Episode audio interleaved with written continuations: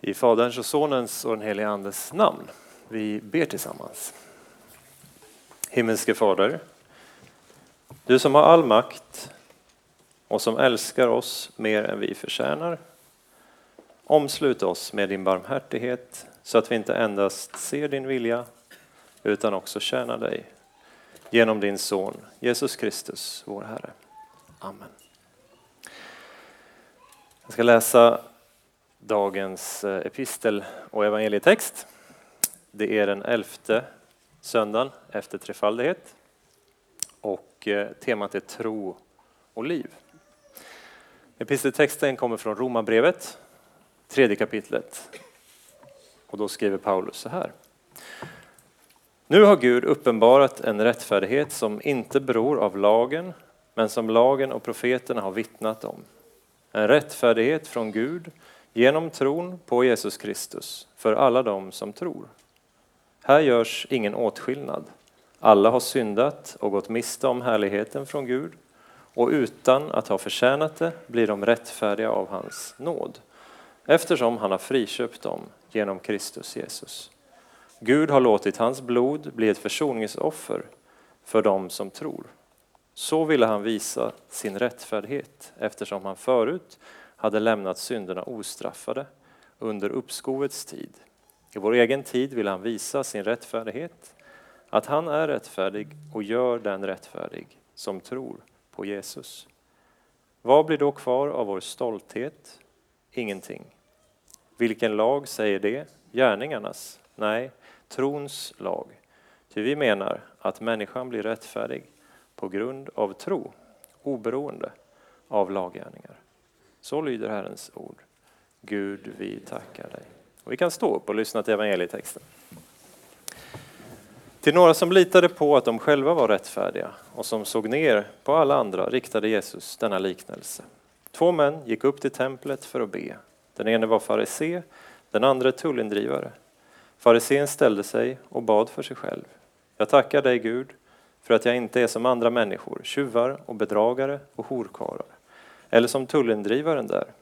Jag fastar två gånger i veckan. Jag lämnar tionde av allt jag köper.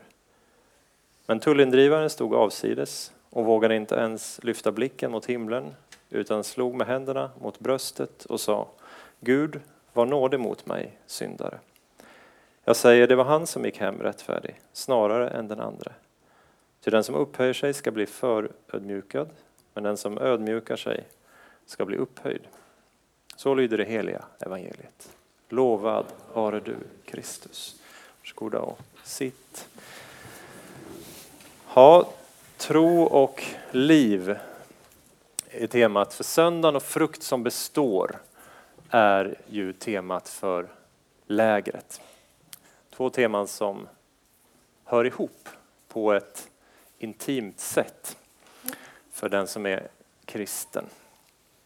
I sommar nu så har det ju varit eh, torrt, väldigt torrt väder med mycket sol och mycket av den frukt och den växt som vi kanske hade väntat på har inte kommit. Eller så har det blivit mycket mindre än vi önskade. Och vi har lätt eh, att eh, längta efter mycket frukt, att eh, vilja ha mycket resultat, att kunna se mycket effekt av vår kristna tro och i livet i stort. Är det inte så? När vi tittar på naturen så är det en ganska lång process. Och det kan vara bra att börja påminna sig om en dag som den här. För att det ska bli frukt, för att det ska bli växt, så börjar det ju med det här lilla, lilla fröet. Fröet som ofta är så litet att du kan hålla det i din hand. Om du liksom snubblar till så tappar du det, om det kommer en vindpust så blåser det bort. Ibland syns det inte ens. Pollen som man är allergisk mot, man ser dem inte förrän det kommer, jättemånga. De här små, små fröna ska ju ner i jorden då och sen så ska de gro. Det ska komma upp den här lilla, lilla början till växten. Så när fröet har kommit ner i jorden så ser man ju ingenting. Trots att det är på gång. Det är samma sak när ett barn blir till. Fröet så här kommer in, befruktar ägget och det börjar växa under mammans hjärta. Men man ser ingenting i början och det tar lång tid innan barnet föds. Men sen kommer förhoppningsvis den här lilla plantan, växer upp.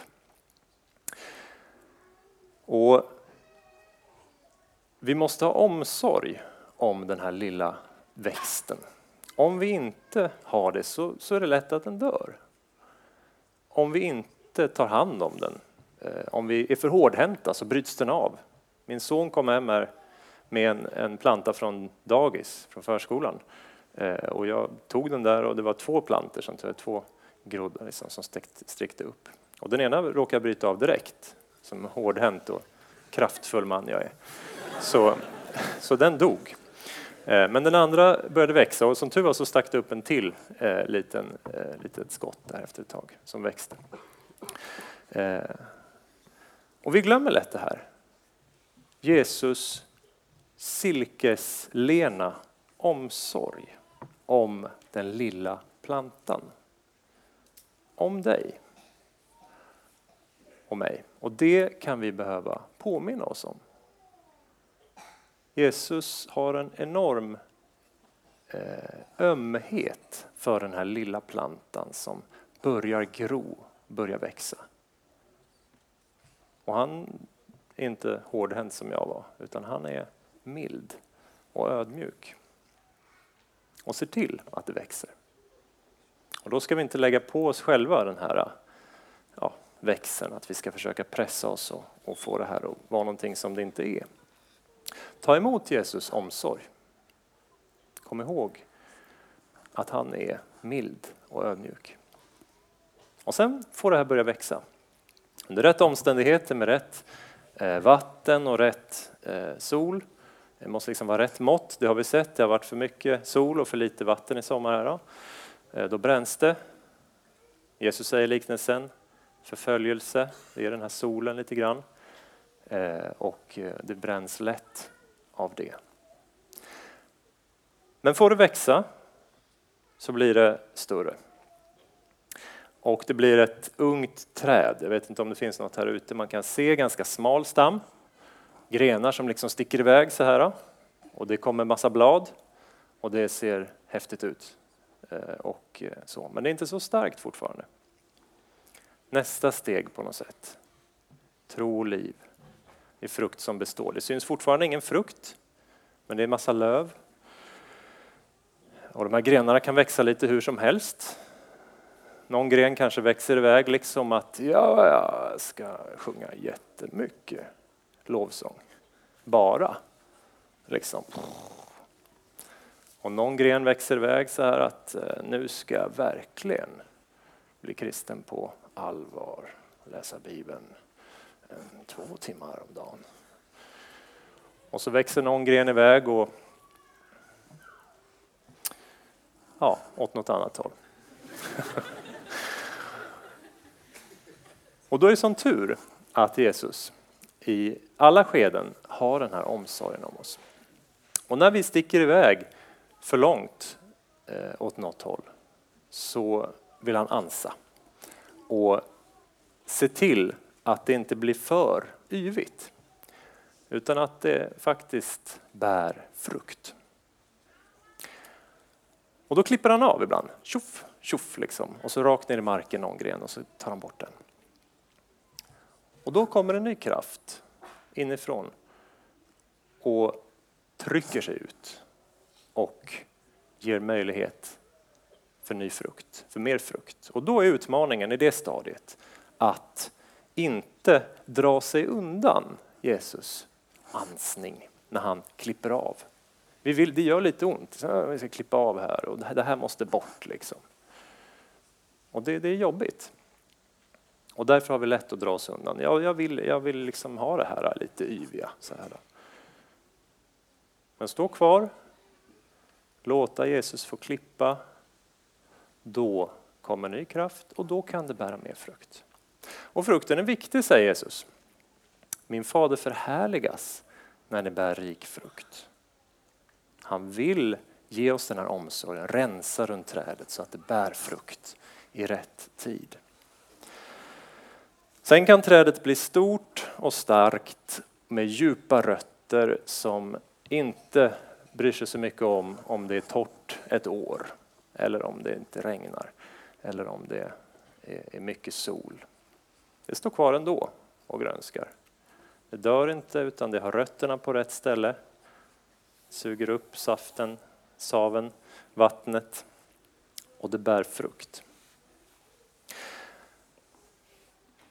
Det tar tid. Det tar tid att bära frukt som består. Evangelietexten idag är ett bra exempel, en bra illustration på var källan till den här frukten finns. Var vi behöver sticka ner rötterna för att kunna bära kristen frukt. Farisén. Många av er har mött honom, eller henne kanske man eh, kan tänka sig också. Det fanns inte kvinnliga fariséer då, eh, men det, det gör det ju idag. Många av er har mött honom tidigare, tillhör den religiösa eliten, den sociala toppen på hierarkin så att säga. Och så har vi tullindrivaren som är, är landsförrädaren. Den ene står högst upp, den andra längst ner. Och Jesus utmanar de här normerna med sin liknelse. Både de sociala, politiska och den religiösa traditionen. Och det här är omvälvande att ta till sig. Eh, kanske inte lika mycket för oss som kanske har blivit lite hemmablinda. Men för de som först hörde den här liknelsen måste det varit väldigt omvälvande. Och jag tror att det är så med många berättelser i Nya Testamentet. Att det var väldigt omvälvande att höra det när Jesus först berättade. Vad är det han säger? Vad är det han pratar om? Här kommer en person, en liksom ärkesyndare. Så är det en person som är allmänt socialt respekterad och accepterad och som liksom är en bra religiös person. Och så säger Jesus, nej, nej, nej, nej. Det är fel. Det är den där som har rätt. Han vänder på perspektivet. Och det kan vara svårt för oss att göra. Samtidigt finns det någonting både liksom fascinerande, gripande och starkt i det här som drabbar lärjungarna. Och det är därför de också vill föra det vidare till oss när de skriver ner det i Bibeln. Det Jesus gör i den här liknelsen om farisén och tullindrivaren, det är att han säger Gud är på tronen. Gud är kung. Och han är den som rätt kan bedöma ditt liv. Människors domar är ointressanta i jämförelse. Det spelar ingen roll, säger Jesus, om alla säger att tullindrivaren har fel. Om Gud säger att han har rätt så är det det som spelar roll. Det är Guds rike. När Gud är på tronen och hans omdöme får gälla. Att slå sig på bröstet det var en gest för ånger och omvändelse. Att man ångrade det dåliga som man förstod att man hade gjort. Tullindrivaren, han kände sin synd. Han hade en annan självbild än farisén. Tullindrivaren jämför sig inte i första hand med människor utan med Guds ord. med vad Gud har sagt att Gud begär. Och här ligger en skillnad mellan de här båda männen. Farisén har sitt fokus på andra människors synder och på hur de såg på honom. Han har inte lämnat domen till Gud och han lever inte med Guds rike för ögonen. Men tullindrivaren har en kännedom om sin synd, hur Gud ser på den. Det vi tror på och det vi är övertygade om, det får i någon mån i alla fall konsekvens för hur vi agerar, hur vi tänker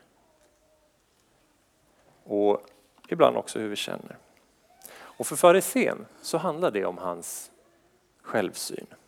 Hans syn på andra och hans syn på, på Gud. Och farisén har en, en ganska god självsyn. Han är självgod. Han är sig själv nog. Han behöver inte människors råd och han behöver inte Guds omdöme. Han tror att han håller måttet inför Guds domstol, men han tror inte att andra gör det. En självpåtagen exklusivitet inför Gud. Hans syn på Gud är att Gud har godtagit honom på grund av att han håller fastan. Han är noga med att räkna kryddorna. Vi kallar det för egenrättfärdig. Farisén han ser sig själv som centrum och förbehåller sig rätten att döma sin omgivning. Tullindrivaren han har en annan självsyn som gör att han får omdömet att han är rättfärdig. Trots sitt landsförräderi och sin skuld. Tullindrivarna jobbade ju åt den romerska ockupationsmakten. Han förrådde judarna, sitt eget folk, för att samla in pengar som han själv kunde berika sig på. Skillnaden mellan de här två det är ju att den ene förstår och erkänner sitt behov av det han själv inte kan prestera. Rättfärdigheten. Det Gud faktiskt kräver, det har jag inte i mig själv.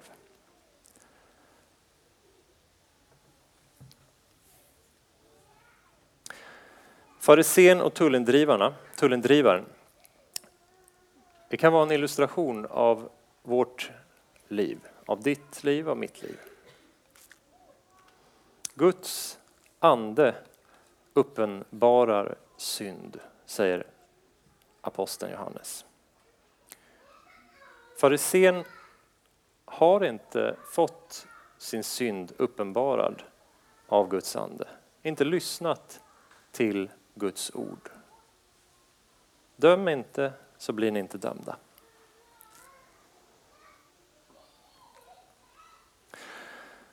Förkrosselsen över synden, vetskapen om att det bara är Jesus, bara Jesus som kan rädda från syndens skuld. Den väcks av Jesus själv.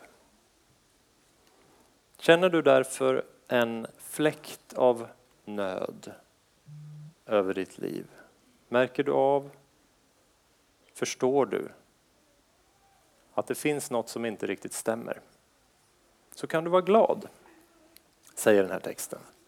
För då har Jesus visat någonting om din ställning inför Gud. Nöden över synden är ett gott tecken på att vi börjar komma in på rätt väg. Det är snarare du som kommer att gå hem rättfärdig. Det finns också de som har den här kännedomen om synden. Medvetna om fördärvet som bor hos dem. Som vaksamt aktar sina steg för högmod och stolthet. nöden hos tullindrivaren. Fortsätter att ställa sina liv i ljuset av bibelordet oavsett omständigheterna. Som litar mer på Guds omdöme än sin egen uppfattning.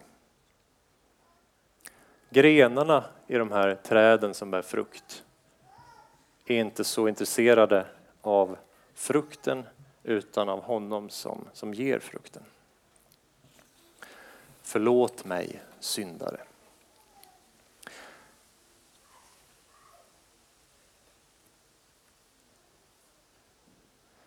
Vi har alla på sätt och vis det här fariseiska i oss. Jämförelsens förbannelse.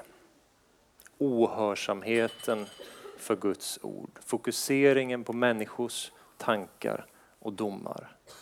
För någon handlar det om avundsjuka av något slag.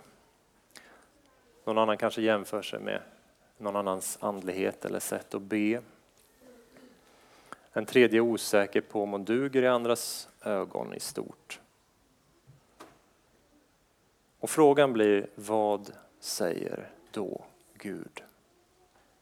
Och då skriver Paulus så här. Mitt samvete är rent. Det är rätt fantastiskt va? En relativt gammal man som ändå kan skriva så uppriktigt. Mitt samvete är rent. Men, säger han, det betyder inte att jag är frikänd. Det är Gud som dömer mig. Det är Gud som dömer mig. Och vad säger då Gud? Jo, då säger han det som är så fantastiskt befriande, som står i episteltexten. Gud har uppenbarat en rättfärdighet som inte kommer av att vi räknar kryddor, att vi tittar på vår egen frukt, att vi fokuserar i första hand på vår egen livsstil. Han har uppenbarat en rättfärdighet av tro. Alla har syndat. Både den store syndaren, tullendrivaren som hade förrått sitt land, sitt folk, sin Gud.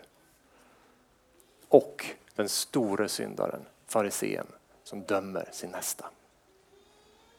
Alla har syndat och gått miste om härligheten från Gud. Men på grund och bara på grund av Jesus och hans blod så får vi ta emot det som en gåva som Gud kräver av oss. Guds rättfärdighet. Gud är färdig med det som är rätt. Tack, kan man säga då bara. Halleluja, heter det på hebreiska. Tacka Gud. Människors dom kan vara rätt. Den kan också vara fel. Men Guds dom och Guds omdöme är sant. Och det får vi ta till oss. Du får tro på det. Vi kan också hamna i den här kni, liksom, krampen lite grann. Alltså, nu ska jag tro. Och där kanske mer då istället tänka på tron som vad har jag mitt fokus på? Tron som en sa som din existentiella kikare. Vad riktar du in den på? Rikta in den på Jesus. Huvudsaken är att du har honom i fokus. Sen hur stark kikaren är, är inte riktigt lika viktigt. Guds omdöme om dig. Inget du gör kan hjälpa dig inför Guds domstol när det gäller din räddning. Inget du tänker, inget du känner, inget du gör. Du kan inte pressa dig till att duga. Men Gud har gjort allt för dig. Allt är fullbordat, allt är klart. Och alla sitter vi i den båten. Tullindrivaren, farisén, missionsledaren, biskopen, påven, den som tjänar på Puls, som ingen ens kommer ihåg vad den heter. Lovsångsledaren. Oss alla.